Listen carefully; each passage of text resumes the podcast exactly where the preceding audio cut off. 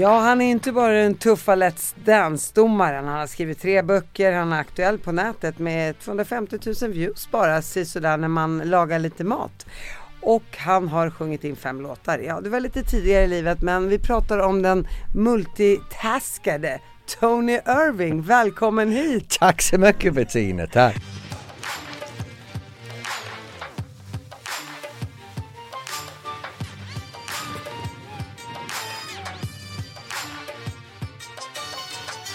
Herregud, vad har du inte gjort i livet? Ja, vet du, det känns som jag har levt tre liv när du säger det på den sätt. Nej men, vet du, ärligt, jag kan allt. Jag har det här inställningen, alltid haft det. Jag kan allt. Även när det går fel så har jag lärt mig en lektion, så det var bra att jag gjorde det. Så jag ger mig in på allt möjligt. Varför blir du inte bara psykolog och hjälper folk på vägen? Men vet du, konstigt nog, jag gick diplom 1 i, i uh, psykologiutbildning. Så jag har, jag funderat på det, på det en gång i tiden när jag tröttnade med dans. Har du en timme extra efter podden? Ska vi hjälpa varandra åt? Ja, det behövs vi båda två. Det är nog jag som behöver bli hjälpt tror jag. Välkommen hit, kul Tack. att se dig. Detsamma. Du har ju fullt upp nu här med Let's Dance. Ja, yeah. det, det är uh, galet säsong. Vi har haft, det började väldigt gungig du vet först med Petra slutar och sen Kristin var tvungen att återgå bort. Så vi fått in Erik Sade och det är massor med nya dansare. Så det, det känns som vi har gjort 18 år. Men den här året är det massor med förnyelse som har hänt. Så det är spännande. Ja, jag tänkte säga, det, det är det som är lite härligt med live-tv, att eh, ingenting, är, man, det går inte att förutse någonting. Nej, och det underbart för mig är, jag kan säga vad jag vill och de kan inte klippa bort mig. jag älskar det! Det är som sitter där och tänker, okej, okay, nu har jag förvarnad, jag ska inte prata den, den, den, men jag gör det ändå.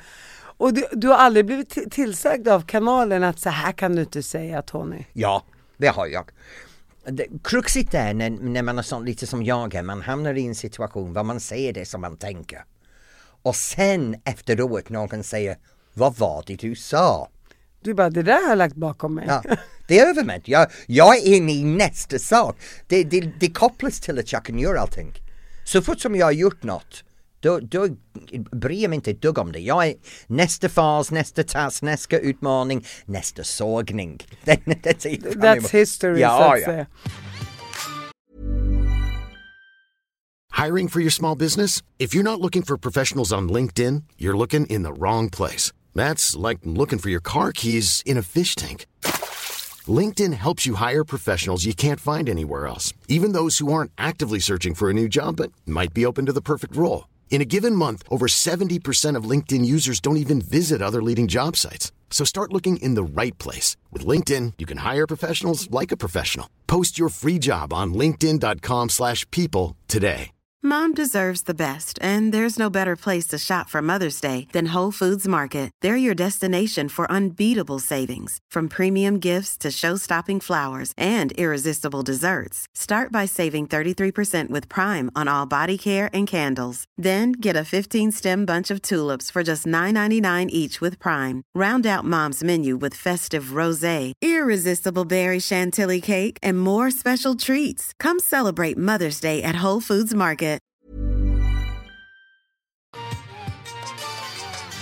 Men innan vi kommer in på hela din karriär Tony, för den har jag menar den har ju varit eh, riktigt fylld med framgångar och så vidare så vill jag ju såklart höra lite om din uppväxt. Sure.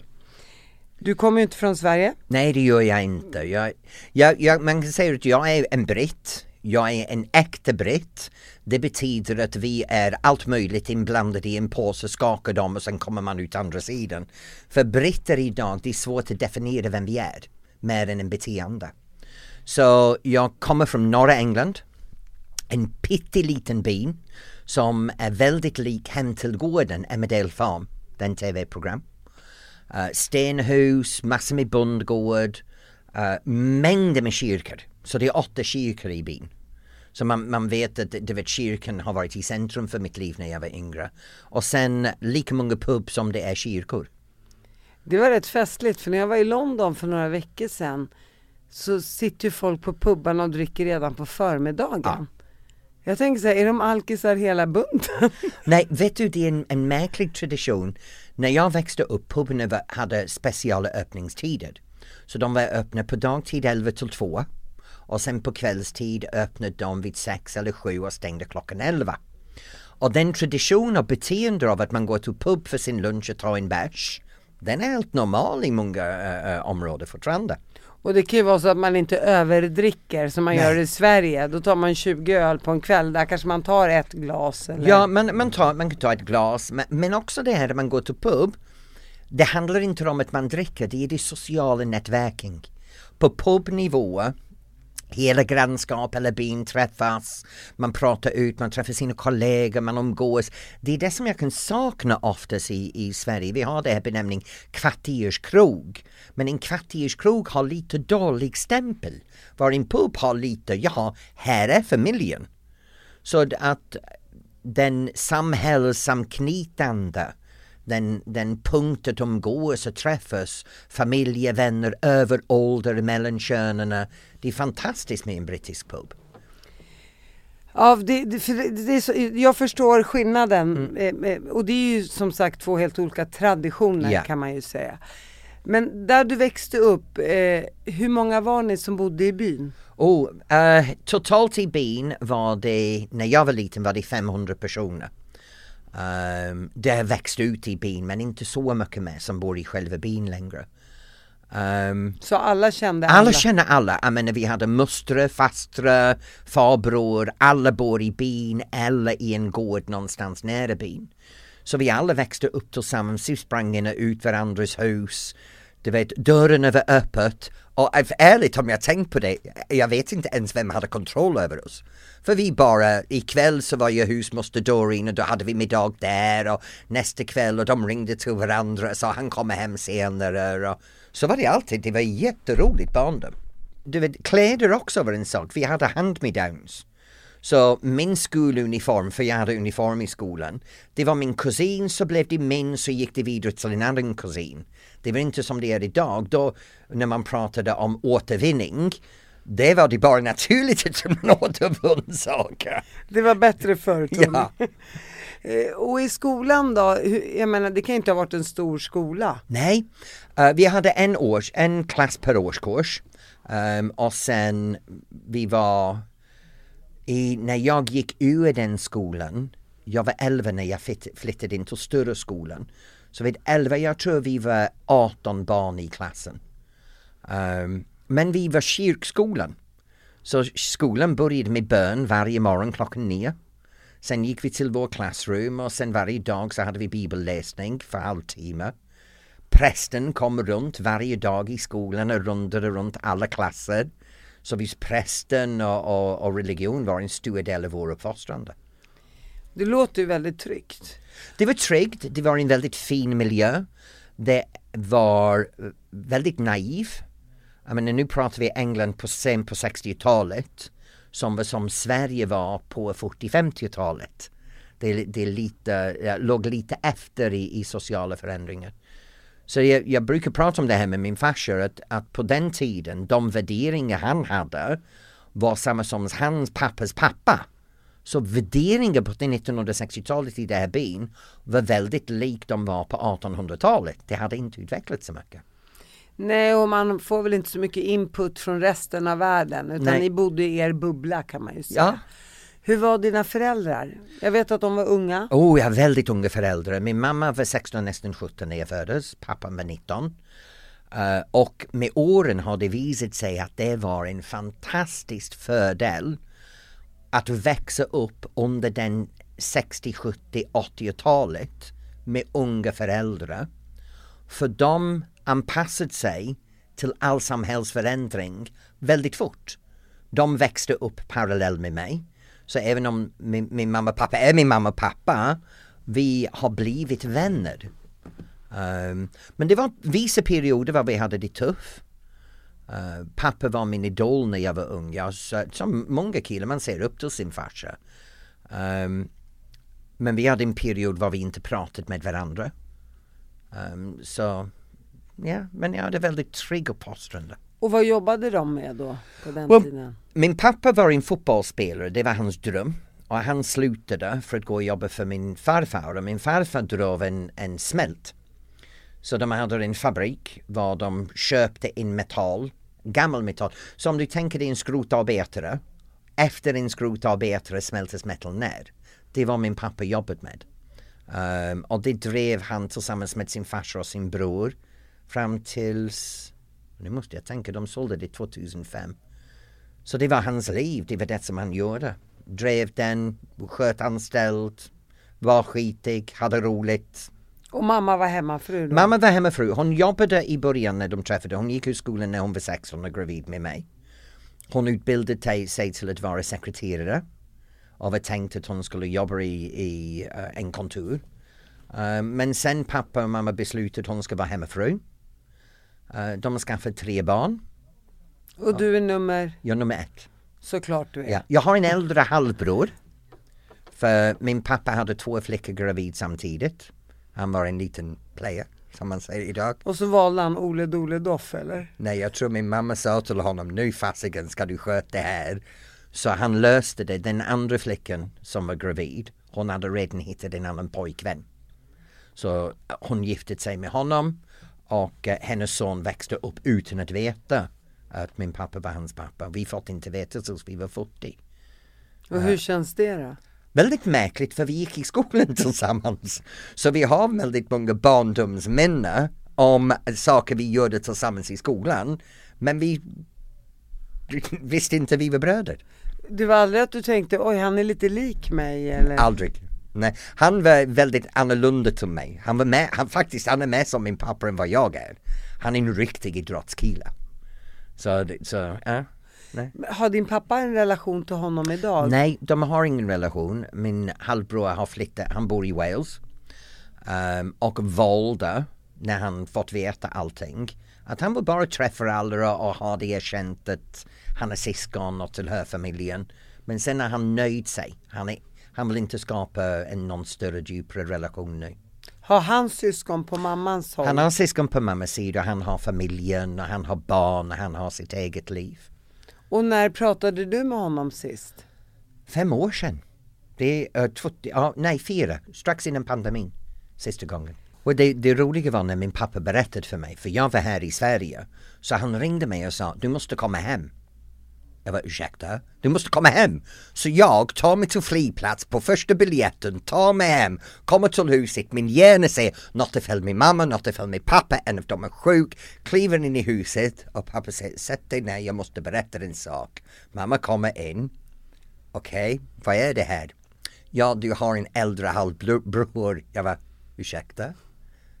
Ja, du har det var nästan som det var sån skam Är det här varför du har dragit med halvvägs runt Europa för att bara du ska erkänna till mig i 40-årsåldern att du är vänsterprasslad? Han var, nej men jag är inte vänsterprasslad, det här var innan jag träffade din mamma. Jag var, hur aktiv var du när du var ung? Så det, det har varit eh, väldigt roligt att kunna få driva med honom. För han hade sån, under perioden vi inte pratade, han hade sån åsikter om min läggning. Och efteråt var det så roligt att säga, vet du vad? Du kan tänka vad du vill om min läggning, men fasiken, du måste ha barn över hela England. Eller, jag var i alla fall inte otrogen.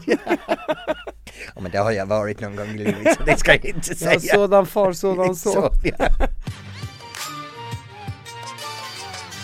Jag tänker att du växte upp i en kyrklig by i England. Ja.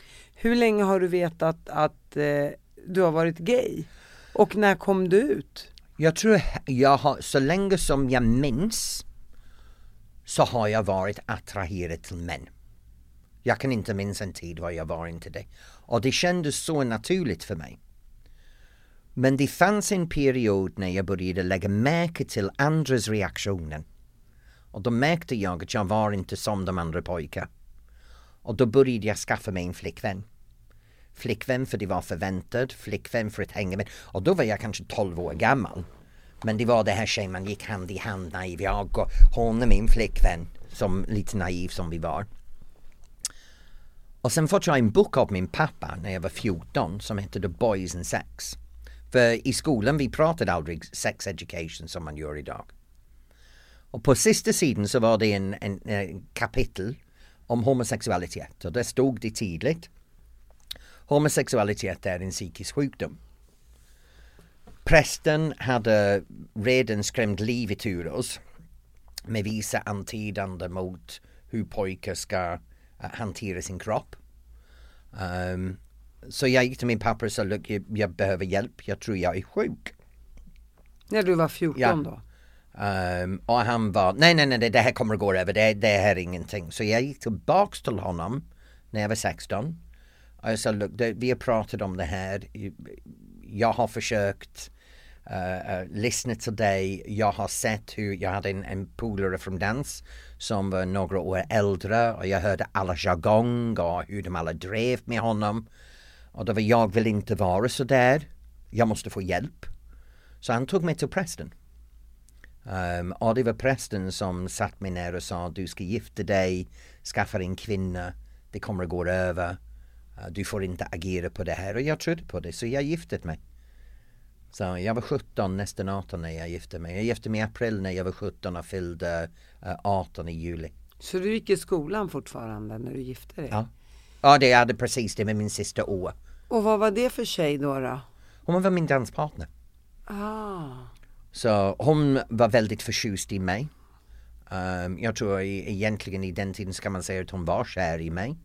Jag hade ingen kärlek mot henne som en, en relation. Men det var en botemedel. Det var som att ta en Alvedon. Jag trodde det var så enkelt som att om jag gifter mig med henne så är fasaden på.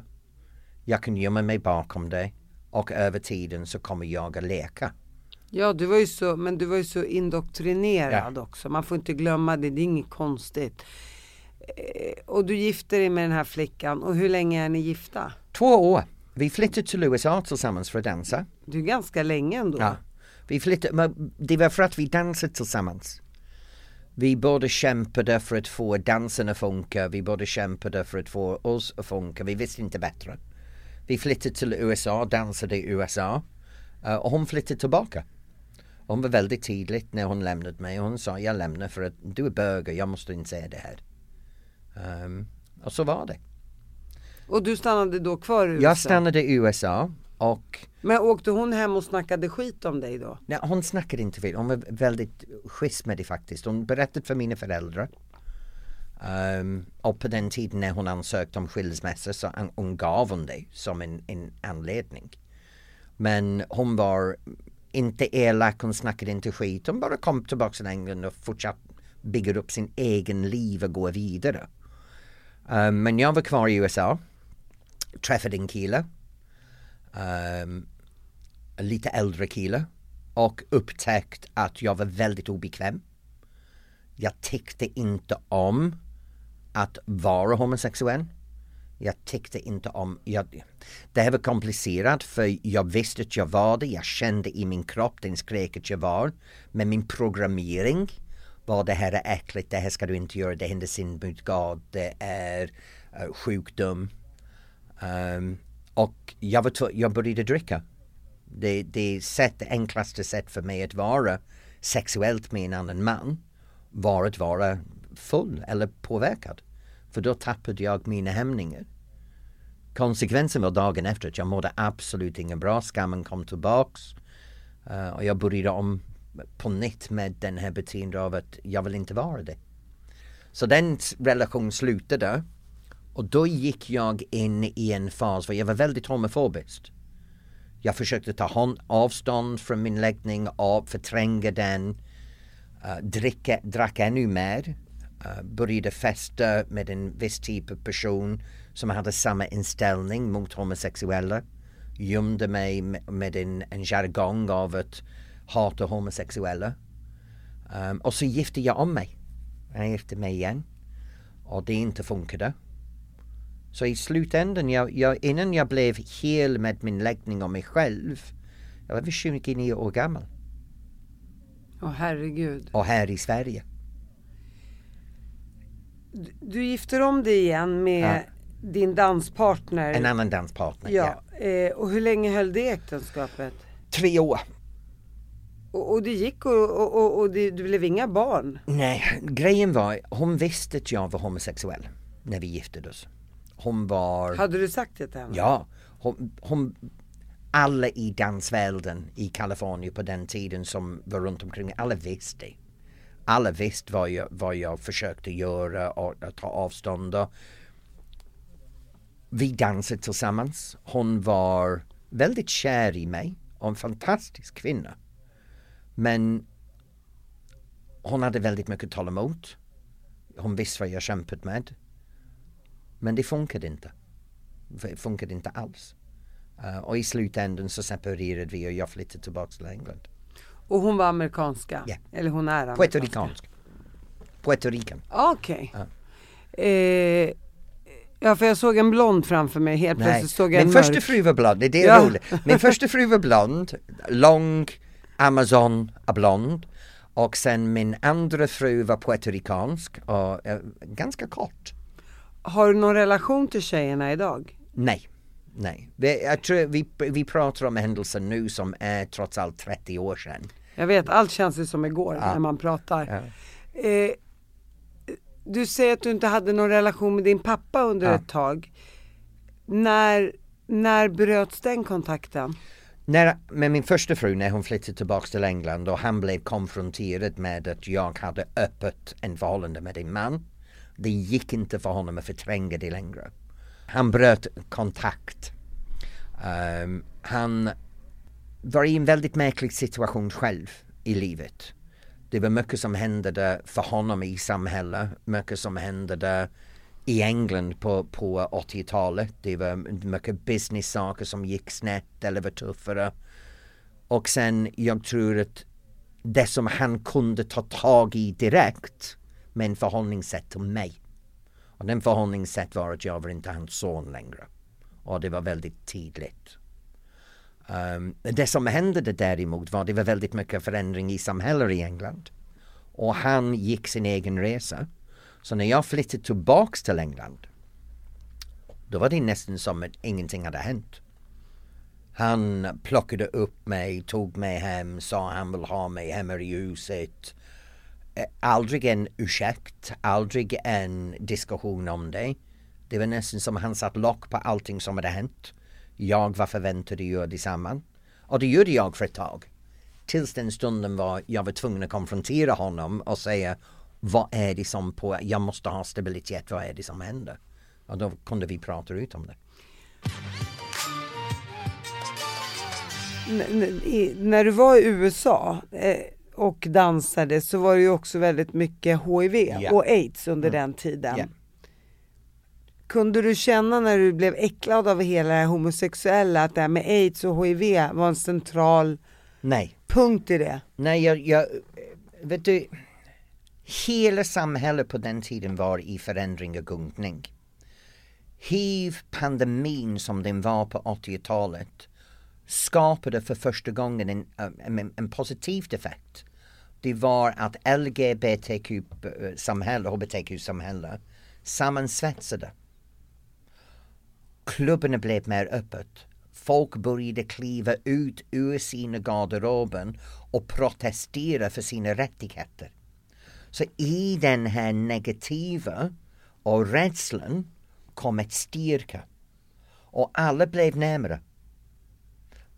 När jag bodde i San Francisco, det var en väldigt sorglig period i San Francisco för det, var, det gick inte en vecka utan en begravning. Så det var en, en period var bekant försvann en efter den andra. Men den rädslan, nej, aldrig rädslan. Du, du åker till USA när du är 18 och så kommer du hem när du är 27. Under, eh, under exakt, är det under 7-8 år din pappa inte pratar med dig? Det är, det är fyra år av dessa tider. Fyra år Ja. som din pappa Ja. inte pratar med dig. Och när du ringde hem, tog din mamma luren och pratade vad med hände dig? det var pappa skulle svara i luren och bara säga till min mamma, det är din son. Inte ett ord till mig. Bara, hej kan jag, äh, äh, bum. Det är din son. Så du ingenting. hörde när han Ja. sa det? Ja. Eh, Och sen när du konfronterar honom, hur gammal är du då? 28. Och då har du, har du hunnit flytta till Sverige då Nej. eller? Nej, då Jag är har du... hunnit fly- ja, jag berätta, flyttade- ja. berätta. När jag flyttade från USA tillbaks till England så hade jag möjligheten att en ny danspartner i London. Och tjejen jag fått dansa med var redan tredje plats i världen. Och för mig var det en väldigt stor karriärsförändring uh, inom idrott. För jag gick från att vara en av de killarna som var med i kvartsfinalen till att vara i finalen. Och det hände för mig bara med en bittre partner och bittre bland.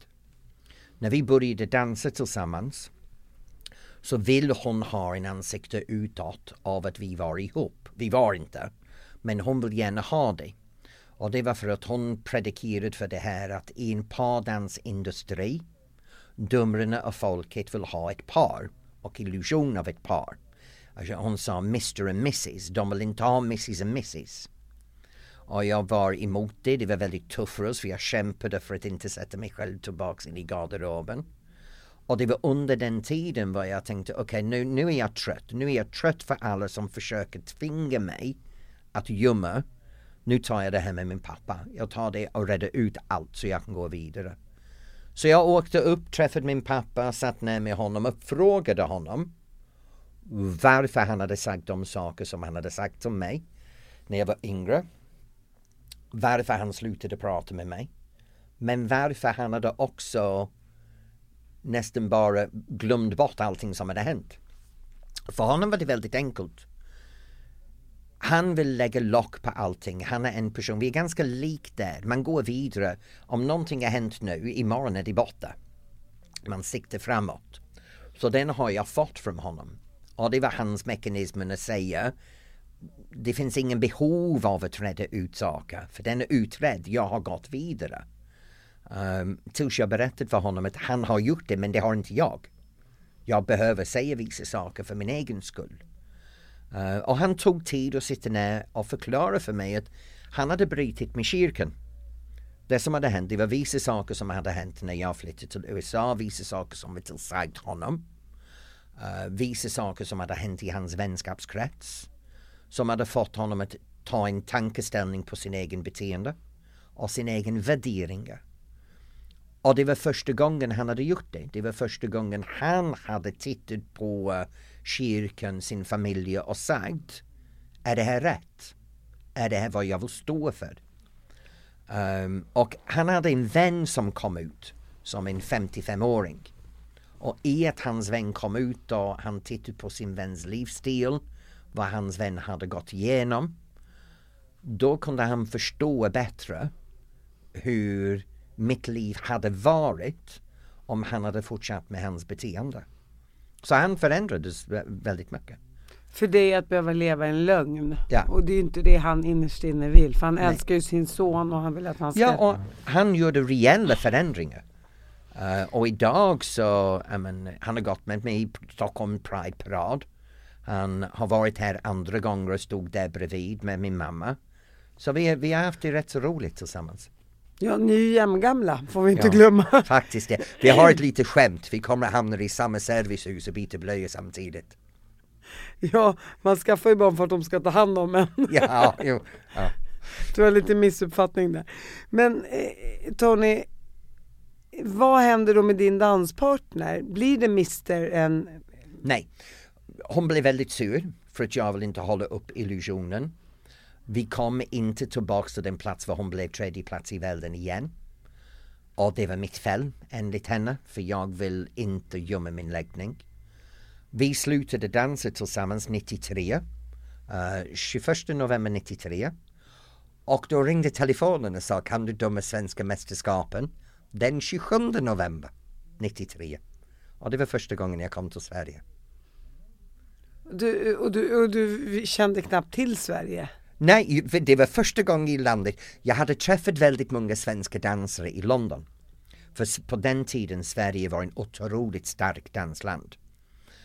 Um, så det gick inte till en final någonstans i världen utan en svensk dansare i, i topp. Så uh, det var uh, många par och min partner hade tränat flera av de svenska par. Så när jag kom hit och var domare, jag hade relation till vissa av de toppdansare. Och sen uh, en av klubbarna i Stockholm erbjöd mig en kontrakt att komma som deras uh, gästdomare. Och innan ett år så hade jag elva av de uh, elittävlingsklubbar i Sverige som tog mig som gästtränare. Så flyttade jag hit. Så du började tjäna pengar på ditt yrke Ja, i Sverige? pengar. Det var, det var pengar och min yrke här som gjorde För jag jobbade i Portugal och Frankrike och Tyskland. Jag pendlade väldigt mycket. Men Sverige blev den punkt för jag hade mer jobb här än jag hade i England och de andra länderna. Och då på den tiden kronan var så stark att det var mer lönsamt för mig att basera mig i Sverige och jobba väldigt mycket i Sverige och sen pendla härifrån till de andra länder och sätter en, en kronavärdering på min, min gage. Har du kunnat spara någonting? Ja, med undantag av att jag gjorde en konkurs för 12 år sedan. Fram tills dess så gick det bra. Nu går det bra. Ja, det, det är som du säger, det är, din, det är hela din drivkraft att du faktiskt har förmågan att, att kasta saker Ja. bakom dig så att säga. Du kommer till Sverige, du, du bosätter dig var någonstans? Jag började i Stockholm. Eh, det roliga är jag, jag började i förorterna. Så jag började i Östberga och Sätra. Var, jag hade jätteroligt. Um, och sen flyttade jag mig till Sundsvall. Startade dansskolor i Sundsvall och sen flyttade tillbaks till Stockholm. Um, och sen flyttade till Nyköping och tillbaks till Stockholm. Och nu bor jag i Norrtälje. Vad, vad, vad, flyttfågel? Ja, Kila. Träffar inte mig. The story of my life sen, sen jag kom till att vara lugn med min läggning. Träffar en snygg karl och jag gör allt möjligt för dem. Är det så? Gud ja! Är du så, y- är du så ytlig? Ytligt! Älskling, den här fasaden det är bara millimeter tunn. Det kan jag säga. Herregud. Eh, jag hoppas att din, att din nuvarande man, eller för det blev ju tredje Ja, gången gillt till slut. Men, men, men innan vi kommer in på det så, många säger ju det, mycket gaykillar som jag träffat säger det att, att svenska gaykillar är väldigt snygga. Instämmer du? Så där? svenska män är väldigt... Det, jag tror det är en intressant situation i Sverige för man är gay för man älskar en man. Right? Man vill ha en man. Så när man tittar på gatan i Stockholm, det, jag skrattar hela tiden, för alla de man tittar på och tror att de är gay, de är hetero. Och alla de som ser ut som de är hetero, de är gay. Det är total omvänd i, i Sverige. Är det så? Ja! Alla svenska karlar är så snygg, så välpaketerad. I ett annat land så tror man de är alla bög. För att de är så snygga? Så, så snygga och välgroomed. Men de här killarna som är inte så välgroomed med håriga skägg och lumberjack look. Det är de som är, som är gay i det här stället. Nej, jag, jag överdriver lite grann men det var den känslan för mig när jag kom hit. För att, för att så tycker inte jag, de gaykillar jag är kompis med är väldigt snygga. Ja men du och jag kanske umgås i andra... Ja, ja, ja, ja, ja. och jag kanske lär känna de snygga. Jag är ju också ytlig. Nej, nej men på allvar, jag tycker att svenska killar rent överlag är väl, i alla åldrar. De är välbevarade, väldigt måna om sin utseende, väldigt hälsosam. Jag menar i, i England nu som är Europas tjockaste land. Du vet att, att komma från en, en engelsk kultur till det här var, när jag kom hit, alla gick på gym. Bara enkla sak. Du vet, tre miljoner av befolkning är i idrottsrörelsen. Men det var bara åtta miljoner som bodde här på 90-talet. Så man pratade faktiskt om ungefär 40 procent av befolkningen tränade regelbundet. Jag var helt chockad.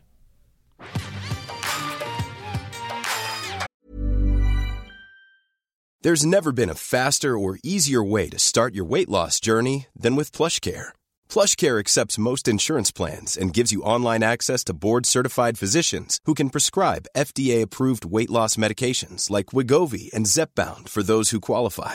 Take charge of your health and speak with a board-certified physician about a weight loss plan that's right for you.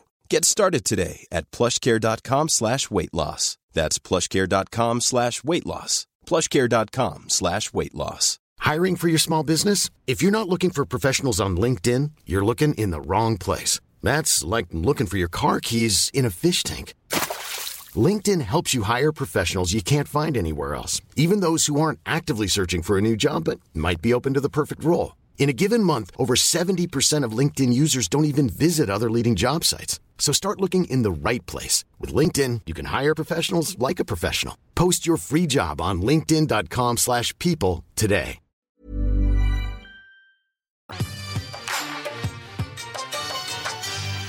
Eh, vi backar tillbaka bandet lite nu. Du, du öppnar bolag i Sverige Ja. säger du. Jag startade min första dansskolan i Sverige 1996. Uh, byggde tillsammans med en affärskamrat som var en fantastisk person. Vi båda två jobbade i dansen. Vi hade sex dansskolor och elva franchise. Uh, och den, båda två av oss var upptagen med andra saker i livet så vi tog in kille för att sköta det åt oss. Och han försvann och förskingrade pengar. Um, och i den förskingringen så lämnade han oss med massor med bristande ekonomi i bolaget och obetalda räkningar. Um, så jag 2012 var jag färdig. Jag sålde min, ja, jag sålde allt jag hade. Jag sålde min hus i England, lägenhet där i Stockholm och jag hade lägenhet i Spanien på den tiden. Så jag sålde alla tre. Betalade av så mycket som jag kunde betala av. Flyttade in hos en väninna. Um, och under tre år betalade av alla skulder till småbolag. Det som gick i konkurs var egentligen hyreskontrakten för den skolorna. För de kunde jag inte driva vidare. Um, så det var utredd 2012 och startade ny bolag med min man.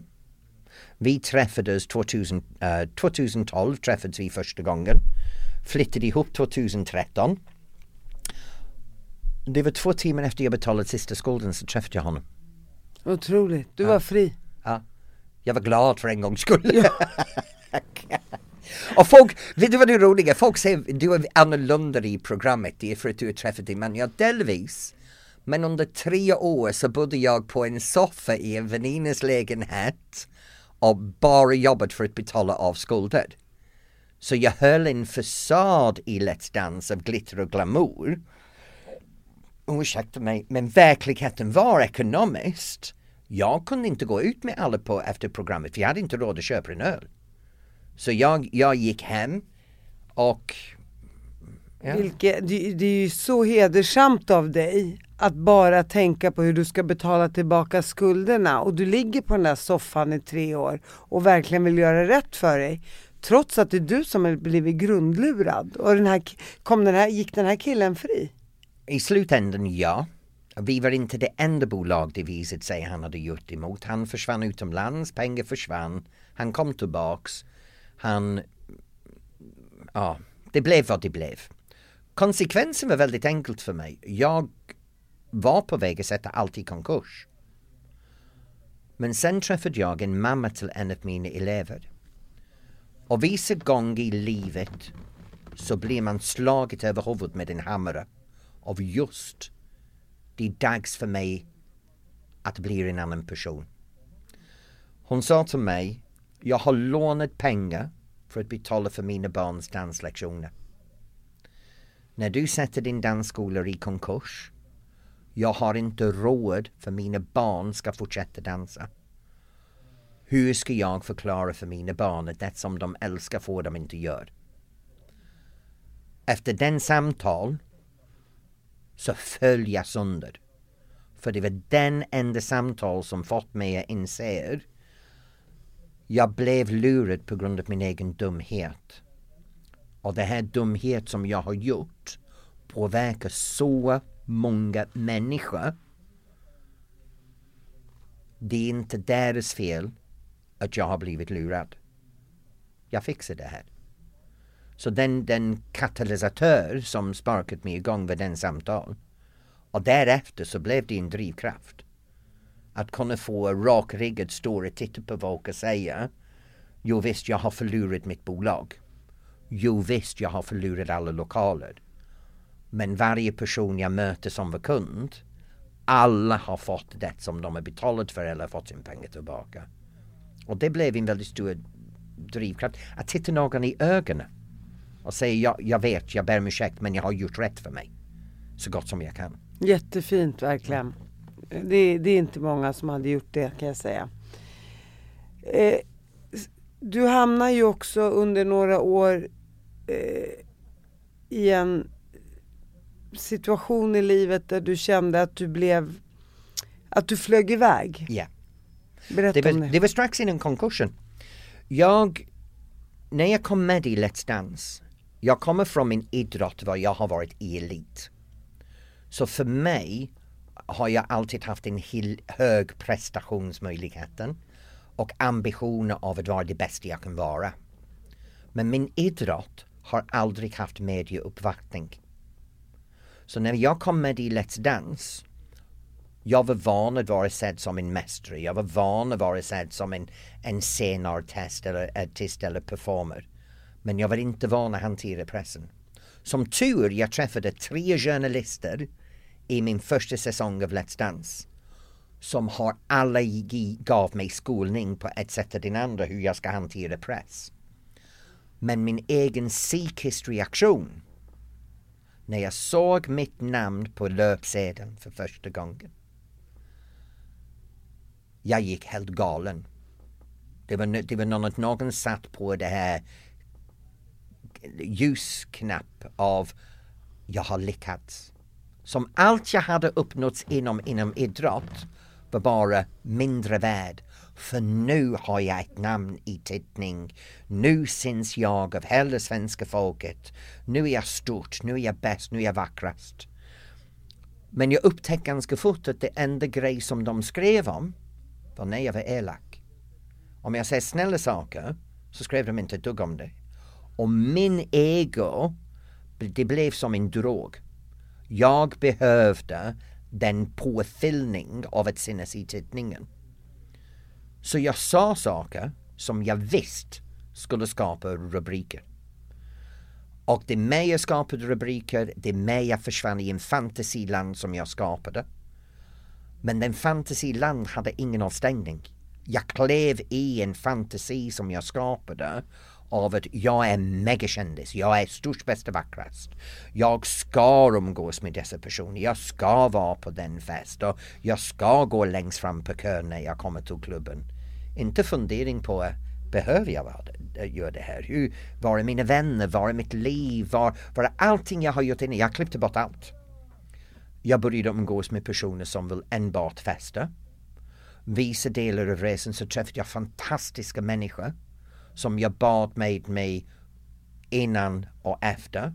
Men för en period av ungefär två år så klippte jag bort alla som var stabil, som var ärligt, som var rakt och började umgås med människor som vill bara supa, festa i alla möjliga former uh, och vill bara ha.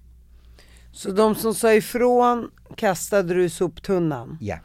Och de som eh, du tyckte var någonting och bara ville festa och är med i medgång och framgång, de, de höll du dig ja. nära? Men även personer som jag träffade som var med i det här, som jag träffade på grund av Let's Dance, många av dem tog avstånd från mig för de såg hur jag höll på att spara ur.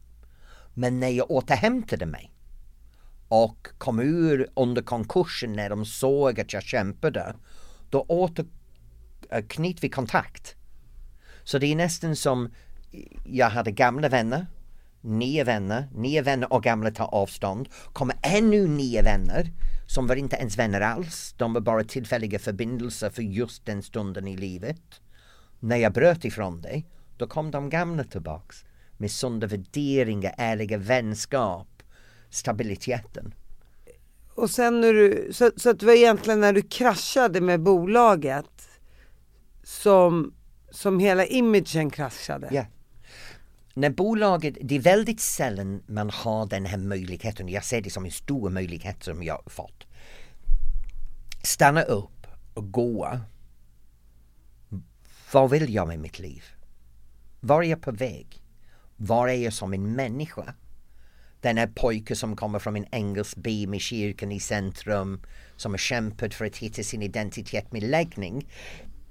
Plötsligt, jag har blivit någon karikatyr av mig själv som jag inte ens tyckte om. Jag tyckte inte om mitt liv, jag tyckte inte om vem jag var. Det, jag tror det är därför det var så lätt att fästa ännu mer, för jag kunde försvinna i, ifrån mig själv igen. Dricker du något idag? Jag kan dricka, det här är grejen. Jag, jag, jag, jag säger så här. Jag var en festprinsessa.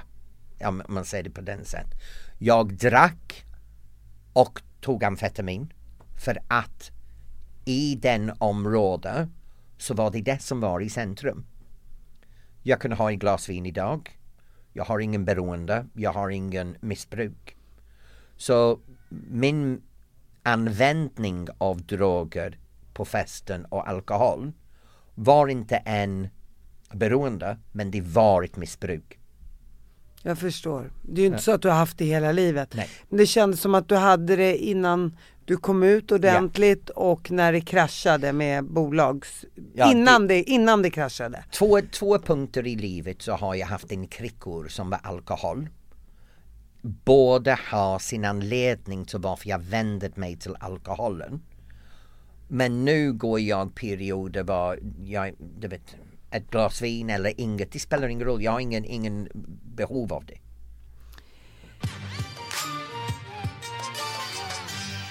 Eh, du träffade din nya kille 2012. Eh, ditt liv börjar nu liksom vända uppåt Ja. kan man säga. Eller det är sta- starten uppåt.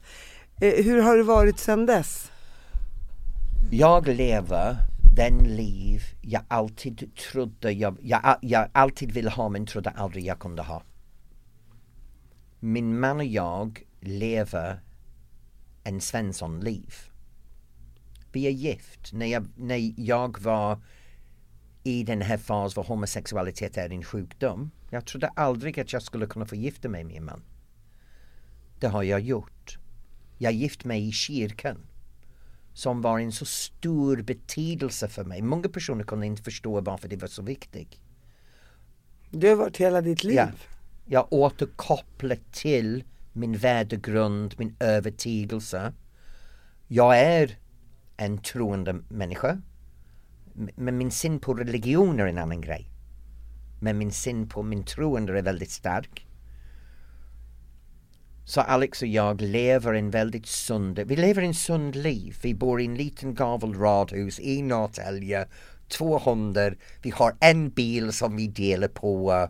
Vi båda två jobbar, vi gör jobb som vi båda två trivs med. Vi tar våra semester, två- 2,5 semester per år utomlands och sen lite roligheter. Vi har det bra, vi har sunda vänner. Vi kommer in till den här Stockholms kändisvärlden när det är Let's Dance. Och jag måste, annars så lever vi ett annat liv. Du träffade ju Noppe, vilket år var det? Träffade Noppe första gången 2007. 2007.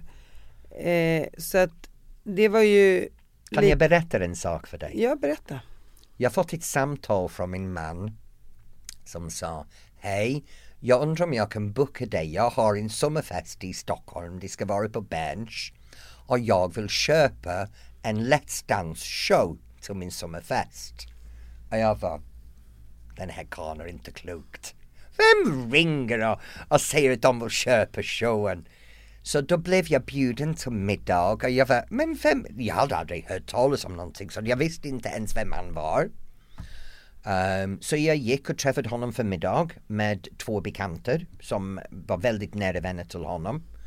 Eller kontakter till honom.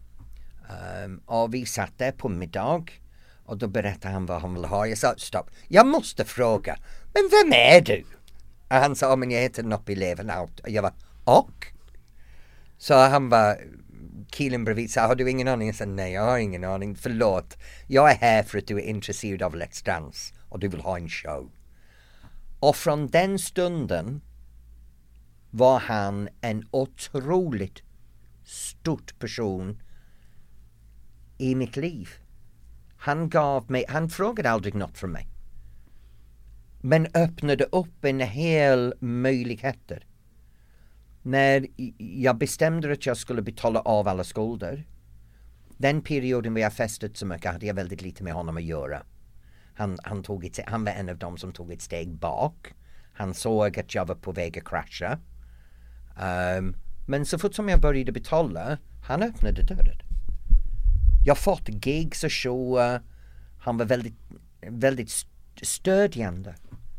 Um, och en, en, en fantastisk människa. Ehm, Och han fanns där för dig hela vägen fram tills hans död egentligen Ja. kan man ju säga. Två, eh, Men han var det för väldigt många personer. ja. Det här är, är, är grejen, det kommer personer i ditt liv och det är sant vad man säger. Man kan plocka upp var man var kvällen innan eller man kan plocka upp var man var två år innan. Han frågade aldrig för någonting. Han vill inte ha något, han, han hade inga krav, inga förväntningar. Han gav alltid till alla runt omkring sig. Och fram tills hans tills hans död egentligen, det, det var, han är saknad. För vi, har ju, vi, eller, vi hade en väldigt nära relation Mm. båda två till Noppe. Han var ju gudfar till min son också. Eh, och det som du säger, det märkte man också på begravningen. Hur, många, hur mycket Mm. människor som kom till kyrkan. Och det finns ju ingen som har ett enda ont ord att säga om Noppe egentligen.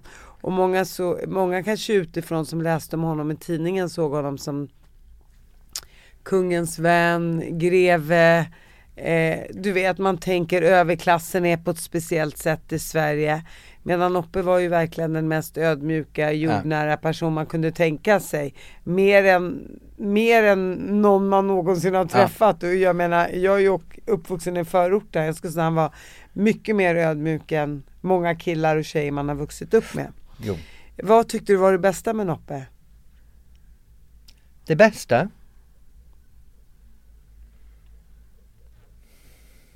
Var han på ditt bröllop? Han var på min bröllop. Han och Li, hans fru, kom på min bröllop. Du vet, du, det, om jag ska säga vad det bästa med honom eh, var. Det var ingenting var för mycket. Ingenting, ingenting var för mycket för honom. Han, han accepterade allt och alla. Men ingenting, ingenting var för mycket. Om, vissa gånger så ringde man, han hade alltid tid för samtalet. Och han var alltid intresserad av Ja. människor. Väldigt, väldigt, väldigt, eh, Vi bodde ihop alla somrar och eh, eh, på landet. Ja. Så vi träffades ju dygnet runt i stort sett. Eh, och eh, man hade aldrig en tråkig stund med honom. Jag, menar, jag har haft Nej. jättetråkigt med Aje men jag hade aldrig tråkigt med honom. ja. Och det var så här, det spelar liksom ingen roll att jag och Aje inte pratade för Noppe bodde ju där. Ja. Förstår du? Och han, han lyssnade, han var intresserad Ja. och, han var, och han var så positiv. Han, han verkligen lyfte sina medmänniskor. Så, ha, vem som helst, om man hade ett dåligt självförtroende i, innan man träffade Noppe så gick man ut från rummet med ett jättegott självförtroende. Men det är det som att han Utan att hade- vara bra alltså. Nej men det är det som jag menar att han hade alltid tid.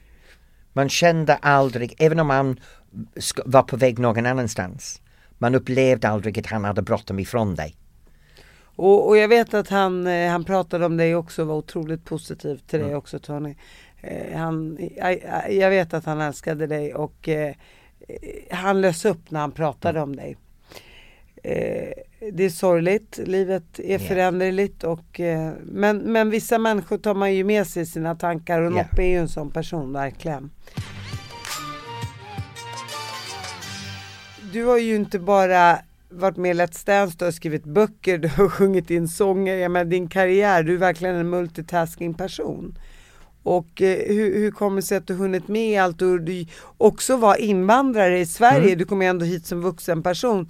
Så har du liksom ändå hamnat rätt överallt och fått den hjälp du behöver. Det är inte alla som har, har fått det tänker jag. Och, men men du, du har ju sagt att, eh, du sa ju tidigare i podden att du, du tycker att du klarar av allt och du går, går framåt. Och, det här ska lösa sig. Du ser liksom inga hinder eh, längs med vägen. Det- det, jag kan enkelt förklara, jag slänger tio bollar i luften. Och nio inte funkar. En funkar.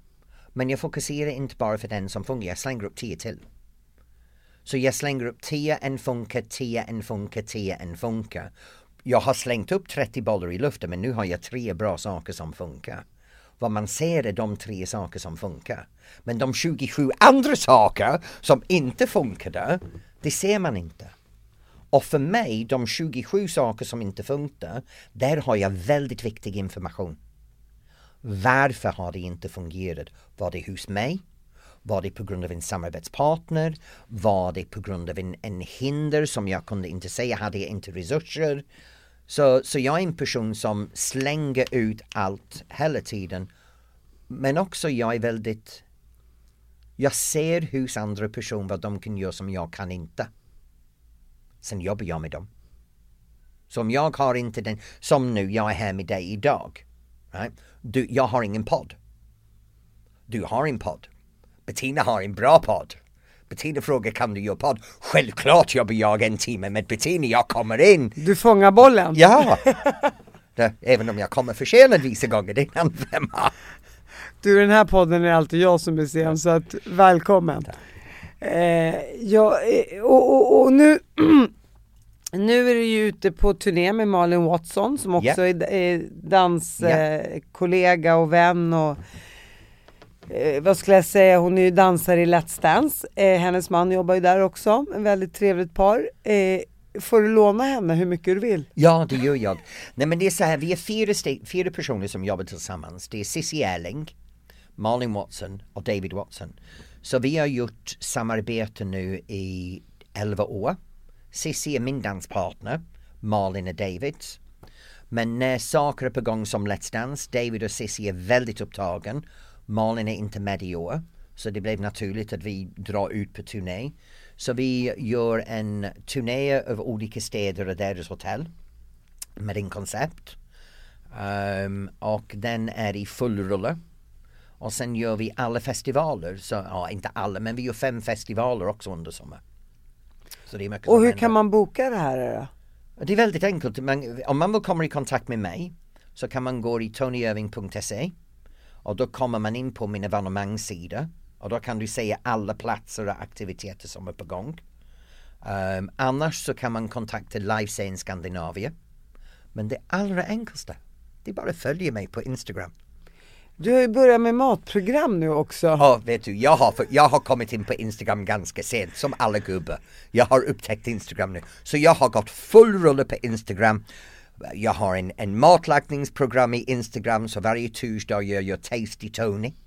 Släpper min egna recept.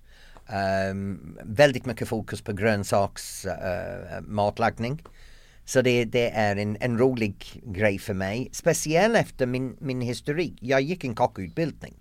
Det också? Ja, det, men det var det som jag vill vara. Så min, i min mors familj, de äger hotell och restauranger. Så på sommaren så jobbade jag alltid från jag blivit 12 år. Jobbade alltid på en musters hotell eller restaurang. samlar glas, städar under på lunchtiden och hjälper till. Så den, den har blivit med mig och sen gick jag en kockutbildning där jag lärde mig fransk köket. Um, och hade intentioner att jobba i, i hotell. Men sen dansen tog fart på riktigt och det blev åsidolagt. Så jag släppte en cookbook i 2013 um, och bestämde nu att nu har jag, kan jag göra det på Instagram. Så jag gör en maträtt i veckan. Och 250 000 views. Ja, jo, fantastiskt Det va? är helt otroligt. Ja, vet du, jag, jag, jag, jag trodde att jag skulle kanske få en 20-30 pers som kommer in. Men Alex och jag gör det en var vi, vi var fjärde vecka så lägger vi live.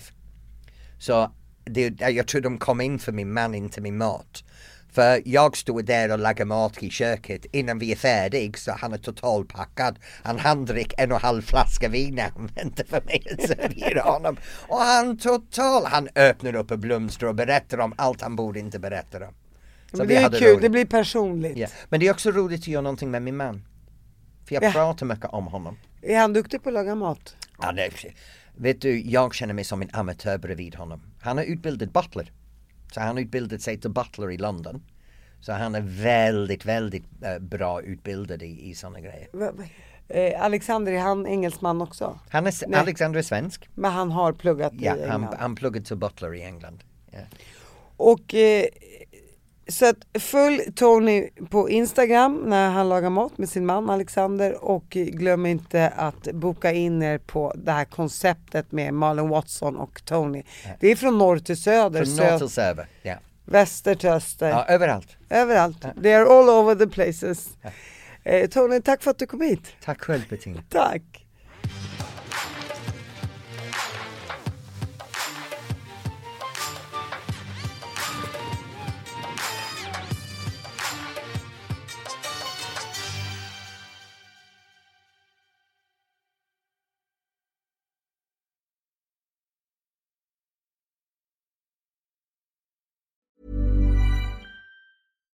Deserves the best, and there's no better place to shop for Mother's Day than Whole Foods Market. They're your destination for unbeatable savings, from premium gifts to show-stopping flowers and irresistible desserts. Start by saving 33% with Prime on all body care and candles. Then get a 15-stem bunch of tulips for just $9.99 each with Prime. Round out Mom's menu with festive rosé, irresistible berry chantilly cake, and more special treats. Come celebrate Mother's Day at Whole Foods Market.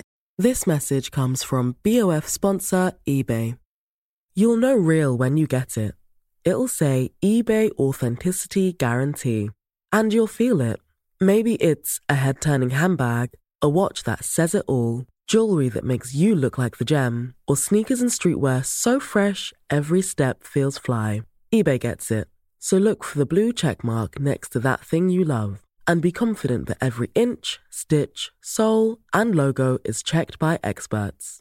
With eBay Authenticity Guarantee, you can trust that feeling of real is always in reach.